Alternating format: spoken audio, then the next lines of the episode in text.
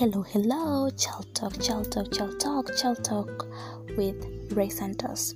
Karibuni tena watu wangu wa nguvu kwenye kipindi changu pendwa cha Child Talk with Ray Santos. So today nimekuja na mada nzuri nzuri nzuri nzuri nzuri sana.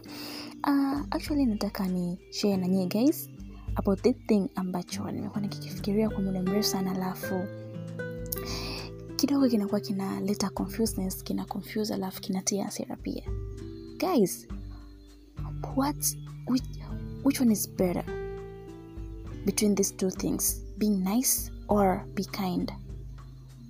Being nice like kuwa mzuri yani ile kuwa, mzuri or kuwa mkarimu which is better? As we know kwamba being nice ni ile habit sometimes yakuwa just, just pleasant and fake. But being kind is natural. Kwamba yule mtu ambayo yuko kind anakuwa ana ile tabia ya natural. Kama anapenda kitu na nakipenda kitu from his or her heart. Kama anakifanya kitu anakifanya kitu kutoka moyoni. Kama anakisema kitu anakisema kitu kutoka moyoni. Without faking.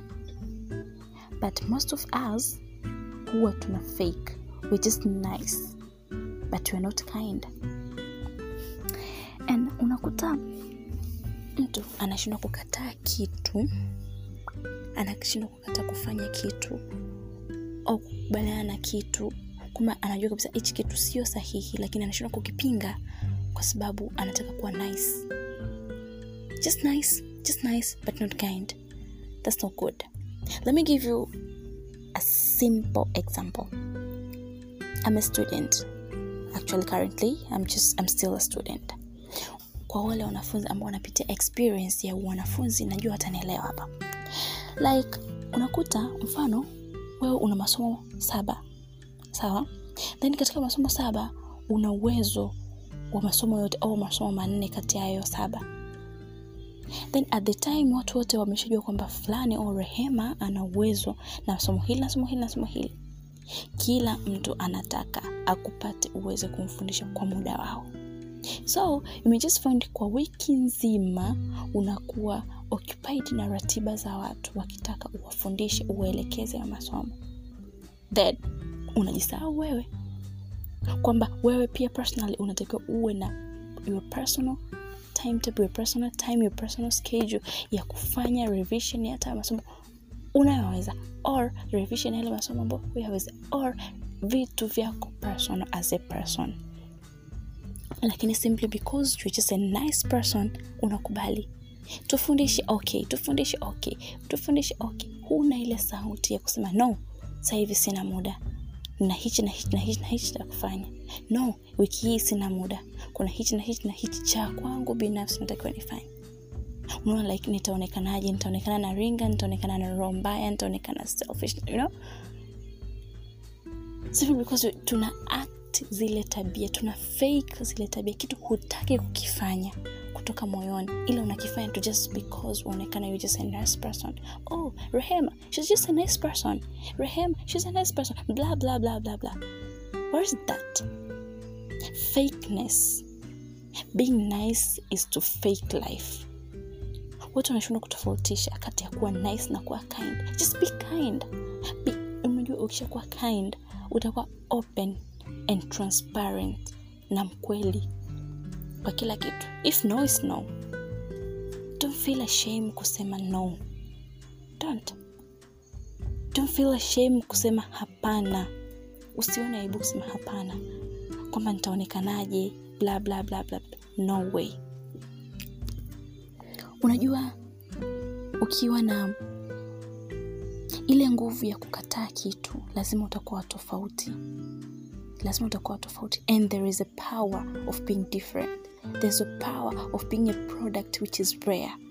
There's a power. Like at the first sight, watu watashindwa kuelewa. Watakujaji vibaya. But as time goes wataelewa ni nini chokuwa nakifanya and some of them watakuchukulia wewe kama mfano wao wa kuiga they might copy some things from you hupendi kitu kuwa open kusema hichi sikipendi sitaki kufanya hichi kuwa open sema hichi hapana hichi kina impact hizi na hizi na hizi kwenye maisha yangu kina impact hizi na hizi na hizi na hizi kwenye karia yangu kina impact hichi na- Em, jiulize tu mfano. Kuna umuhimu gani wa wewe kulipwa mfano wewe ni mfanyakazi wa serikalini kuna umuhimu gani wa wewe kulipwa mshahara mkubwa? Amini ngoja nikivi kuna ulazima gani wa wewe kulipwa mshahara mkubwa? Do you think you deserve it? Kuna faida gani ya wewe kulipwa mshahara mdogo? Do you think you deserve it? Ask yourself those two questions. I mean those questions. Ukipata majibu utajua wewe ujiweke kwenye position. If yes then fine. If no then why? What am i supposed to do to make these things different? If you're a student jiulize je do you deserve kuwa na group discussion ya watu wengi? Do you deserve or do you deserve kuwa na group discussion ya watu wachache? Or do you deserve wewe kwenye group lenu kuwa kila siku a representative? For instance kuna presentation wewe kila siku ndo umewekwa forward. Kwamba fulani lazima atakuwa wa kwanza kupresent. Fulani atapresent on behalf of, of all of us. Do you think it's necessary wewe ufanye hivyo? Kwa akili ya kawaida utachukulia oh because wameniamini because unajua mimi naweza kufanya hivi. But think it. Think about it. Go deep. Think about it. Is it necessary kwako wewe kuwa on top of them? I mean is it necessary? Kwa kwa kwa. Kwa sababu you're just nice hata kama hutaki kupresent that day. Simply because you're nice hutaki kuwa kuwa kuwa kuwakwaza wana group wako utaona kwamba okay let me just do it. Lakini hutaki hujisikii and maybe unaweza ukapresent ukaharibu. Do you think it's necessary? Wao kukuweka forward in everything. Sio kwamba they depend on you sana. Sio kwamba uh, uh, uh, they trust you sana. Sometimes wanatumia ile ile ile ile, ile state yawe kuwa nice kuscratch you back they just scratching your back ah, si yuko fulani atafanya si yuko fulani. Si kwamba wanakuamini sana si kwamba you're too clever. Just think is it necessary? Is it necessary for you to teach your fellow students every day? Is it necessary? Is it because you know much or is because you're just nice? Mfano mwingine hata kama ni nyumbani unakuta kuna watoto watano wewe labda ni mtoto wa tatu. Every activity zinazofanyika zinazotakiwa kufanyika pale nyumbani wewe ndo uko responsible. Do you think is it necessary wewe kufanya activities zote? Activities zote ziletwe zi, zi, zi kwako. Do you think you deserve it? Think about it. Si kwamba wewe ni mchapakazi sana. Si kwamba wewe ni kind, I mean, ni mtifu sana. Simply because you might be so nice. Too nice I mean that's why everything kinatupiwa kwako you're just nice. Huwezi ukakataa kwa maana ukikataa utam, utam, utamkwaza mzazi. Ukikataa utawakwaza ndugu zako. You just nice. But sometimes hupendi kufanya zile kazi. Just think. Do you think it's necessary? Do you think it's necessary? Do you think you deserve it? Ukipata majibu if yes then fine. If no think about it. That's why i usually say that you can be kind but unnecessary nice. Being nice is unnecessary. You just be kind is enough. Just be kind is enough. Just be kind. You can be just kind to family and stay far away from them. Far away from them. It's not necessary to stay with them and acting as a nice responsible person to your family siku moja nilikuwa nasikiliza interview ya vanessa mdee a musician male musician. Tanzania sikumbuki alikuwa anafanya interview na media gani but what I, remember ni kwamba alishasema kwamba kuna watu anawapenda lakini ataka akae nao mbali. Akasema kwamba naweza nikawa nakupenda lakini kaa kule. Mi nikae huku. Sio kwa nia mbaya. Sio kwa nia mbaya. Kwa wachache ambao walimwelewa vanessa. Wanaweza wakanielewa na mimi hapa. Kwamba sometimes unaweza ukawa unawapenda wengi unawapendwa wengi si lazima uwe nao. Hata memba wako wa familia. Maana ao ndo unaweza ukawa chanzo cha kurudisha maendeleo yako nyuma. You can't move forward because of them. Wanakuwa kama obstacle ya wewe kuto kumove forward. Si kwamba unawachukia. No wapende ila usiwapende kinafiki. Kuwa nice to them ni unafik be nice to them is fake you're faking. Hutaki kuwa karibu yao hutaki kuwa close to them lakini you're just fake. Lakini ukishakuwa kind to them utaonyesha that real love ambao wana deserve. Utakaa nao mbali lakini unawapenda utakaa nao mbali utatimiza mahitaji yao ukiwa mbali. Its not necessary for you to be around them all the time. Its not necessary. Simply because kwenye stage za maisha kila stage unayofikia ya maisha lazima mtofautiane. Like ulivyokuwa at the earliest stage of life maybe it was necessary to be around all the time with your family members and whatever maybe your clan member whatever.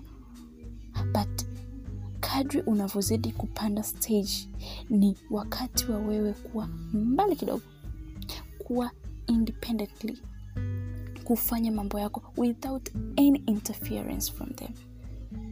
They might advise you take their advice ufanyie kazi but it's not necessary kuwa around them kuchangamana nao. It's not necessary.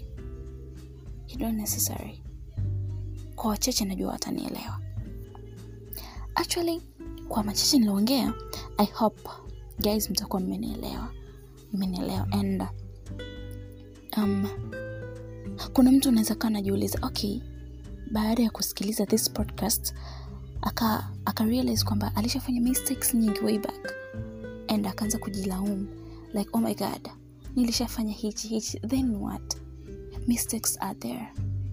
Turn those mistakes into a lesson. Ulifanya kosa moja mbili tatu nne. Badilisha liwe kwenye somo. Ya kufundishe makosa uliofanya ya kufundishe. You have to turn to be a better person. Ubadilike. And just be flexible you know learn how to be less about your mistakes and more about learning. Kuwa mtu wa kujifunza every day ila sio mtu wa kukumbuka your past mistakes.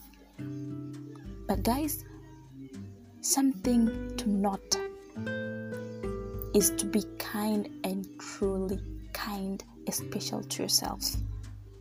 Be kind to yourself first. Jifikirie wewe kwanza huo sio ubinafsi watu maybe wanaweza kusema kwamba ni mbinafsi no. Be kind to yourself first. Jua ni nini unapenda. Nini unatakiwa kukifanya. Nini moyo wako unataka. Nini maindi yako inataka. Nini nafsi yako inataka. Think about your mind think about your soul. Huwezi ukawa connected to god without knowing nafsi yako inataka nini. Without feeling your soul.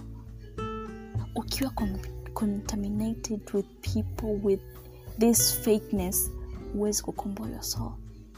And sometimes tunashindwa kupokea hata baraka za mungu simply because we're not ready. Bado tunaangalia aya ya jamii yanayotuzunguka. Kuna hichi kuna hichi kuna hichi. Nikifanya hichi nitaonekanaje? Too much noise. Too much noises. Zilizopo unajisahau wewe unasahau nafsi. Well nafsi ndo kitu ambacho kinaenda na wewe mpaka siku ya mwisho utakapofariki. Hutaenda na this and I mean surroundings sorry the surroundings. Hutaenda na your parents your family your clan members your friends your you just go you and your soul. Guys i know watu wengi tumelack this mental health. Tunahitaji kuwa na afya za akili rather than afya za mwili. Ukishakuwa na afya ya akili automatically itagenerate afya ya mwili. Sijui kama mnanielewa. Ill talk about this on the next podcast on the next episode. I'll talk about this. But guys know what you want first as a person. Thank you guys that's the only thing i can share with you today. I hope you like it. If you like it unaweza ukanitumia comment zako nikajua kwamba the thing imegusa wangapi imewafundisha wangapi and all those stuffs. But before sijawaacha let me ask you one question guys ambao ili swali kila mtu atalijibu kwa muda wake popote whatever. Like what do you care about in your life? Ni nini unajali sana kwenye maisha yako? What do you care the most in your life? Ushapata majibu h? Automatically hop hope uta change your lifestyle. See you guys till next time. I love you guys. Child talk child talk with ray santos